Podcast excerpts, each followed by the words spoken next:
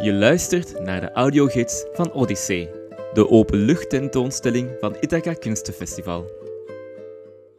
Deze fotoserie van Jorge Ochoa heet I Come From Far Away. Jorge is erg geïnteresseerd in immigratie en identiteit, en dat is duidelijk in zijn werk. Nu wonen er meer dan 5000 Peruviaanse migranten in België, een hele grote groep waar Belgen maar weinig van af weten. In zijn werk legt hij vast hoe ze hun cultuur opnieuw moesten vormgeven en een nieuw leven beginnen aan de andere kant van de wereld. Deze foto's laten zien hoe hun sport, religie en gebruiken door hun nieuwe Belgische omgeving vormgegeven wordt. Pauzeer even om het werk van Jorge in alle rust en stilte te bekijken. Druk daarna op play voor het laatste deel van je Odyssee. Dit was de laatste kunstenaar van de Odyssee. Maar je tocht eindigt nog niet hier. We nodigen je uit om mee de weg die de Begijnen en de vrouw van Leuven hebben gedaan af te leggen. De Keizersberg op. Daar zal je een laatste, prachtig kunstwerk te zien krijgen. Het uitzicht op deze stad. Ondertussen vertellen we je hoe het verhaal van Vier Margriet echt geëindigd is. Opgelet. De ingang aan de vaartkom is niet rolstoel toegankelijk. Als je met je rolstoel de Keizersberg op wil gaan, kan dat via de Mechelse straat. Als bij een wonder dreef Margriets lichaam de dijlen op. Het bloed dat uit het hoofd bleef stromen vormde een rood spoor achter Margriet aan.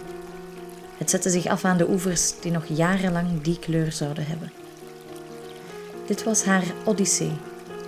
De dijlen voerden haar langs de Leuvense kerken, huizen en straten om uiteindelijk in de vroege ochtend aan het Groot Begijnhof aan te komen. Daar werd het opgemerkt door een paar begijnen die al druk in de weer waren. Ze waren enerzijds dan wel verbaasd dat ze stroomopwaarts dreef, maar anderzijds was er een droevige herkenning op hun gezicht af te lezen.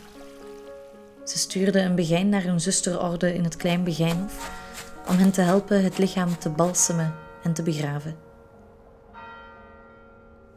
Er was een jong begijntje, Lilith, dat meehielp het lichaam van Margriet te verzorgen voor ze begraven werd.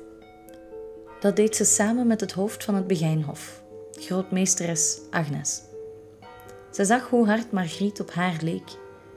Ze waren allebei ongeveer even jong, dezelfde ogen, hetzelfde postuur. Verontwaardigd vroeg ze aan Agnes: Waarom doen wij dit? Agnes antwoordde: Omdat niemand anders hen wil begraven, mijn schat. Lilith keek haar niet begrijpend aan.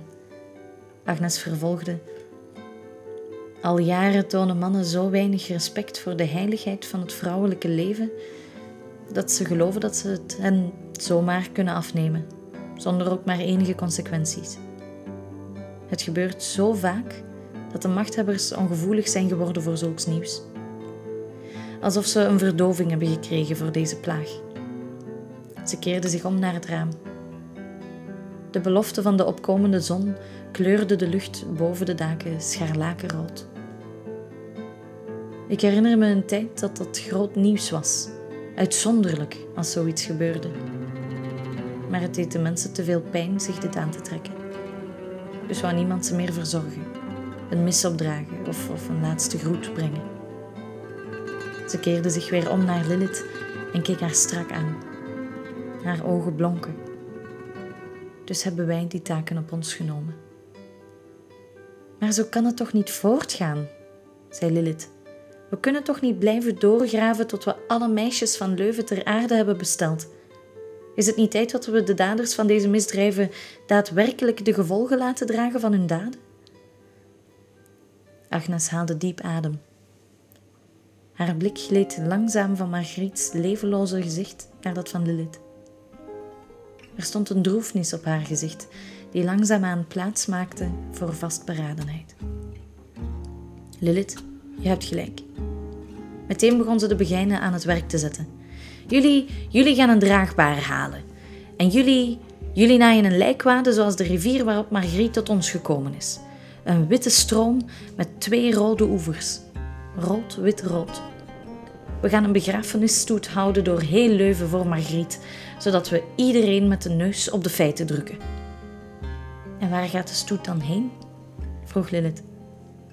De Keizersberg, zei Agnes. We gaan rechtstreeks naar de hertog.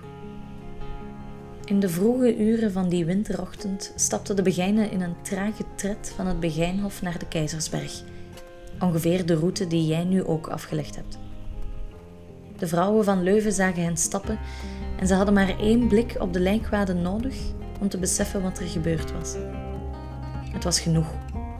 Ze kwamen hun huizen uit en trotseerden de vrieskou om ook hun beklag te doen bij de hertog. Toen de vrouwenstoet daar aankwam op de Keizersberg, zette de begijnen de draagbaar met de lijkwade neer voor de voeten van de hertog.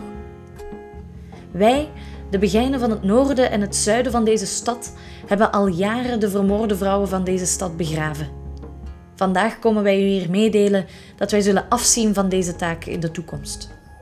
Niet omdat onze spades bot zijn geworden of onze ruggen krom, maar omdat dit meisje, deze fiere Margriet, de laatste vrouw is die in deze stad zo aan haar einde kwam. Wij, de vrouwen van Leuven, van het jongste meisje tot de oudste vrijster, eisen dat de daders van deze vrouwenmoorden, deze femicides, eindelijk ter verantwoording worden geroepen.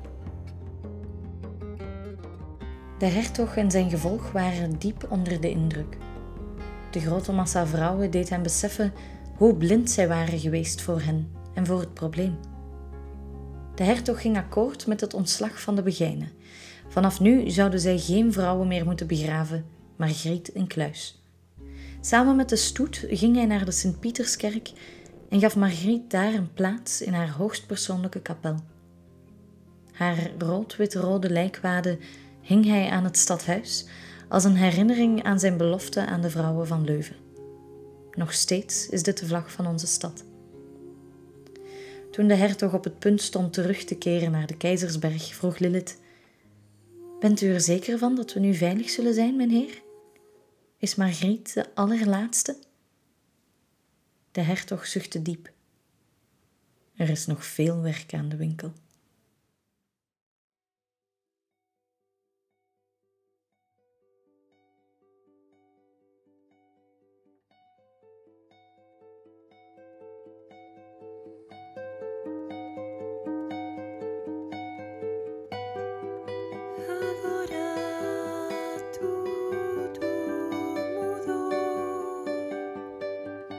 Beste luisteraar, hier eindigt je Odyssee.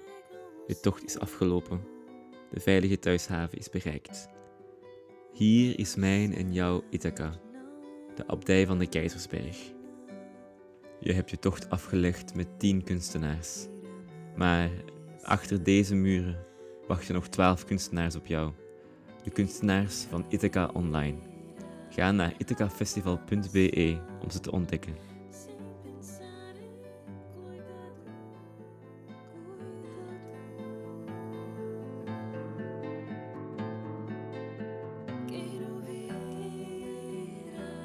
Ithaca en Odyssee zijn een initiatief van Loco Cultuur, de cultuurpijler van de Leuvense studentenkoepel. Dit was de 29e editie van Ithaca en de eerste van Odyssee. Deze audiogids is geschreven en geproduceerd door Bastiaan de Grote. Stemwerk werd voorzien door Anneleen Laremans en Bastiaan de Grote. Muziek door Siebe Chow en Brenda Corijn als Au en Gusta Moorhem. De kunstenaars van Odyssee waren Anjuta Wjazemski-Snauwaard, Joke de Pever, Wouter Persijn, Xie Zhu, Annelotte Lammertse, Eva Maria Bouillon, Tobias de Win, Clara Wouters, Veve Achtert en Jorge Ochoa.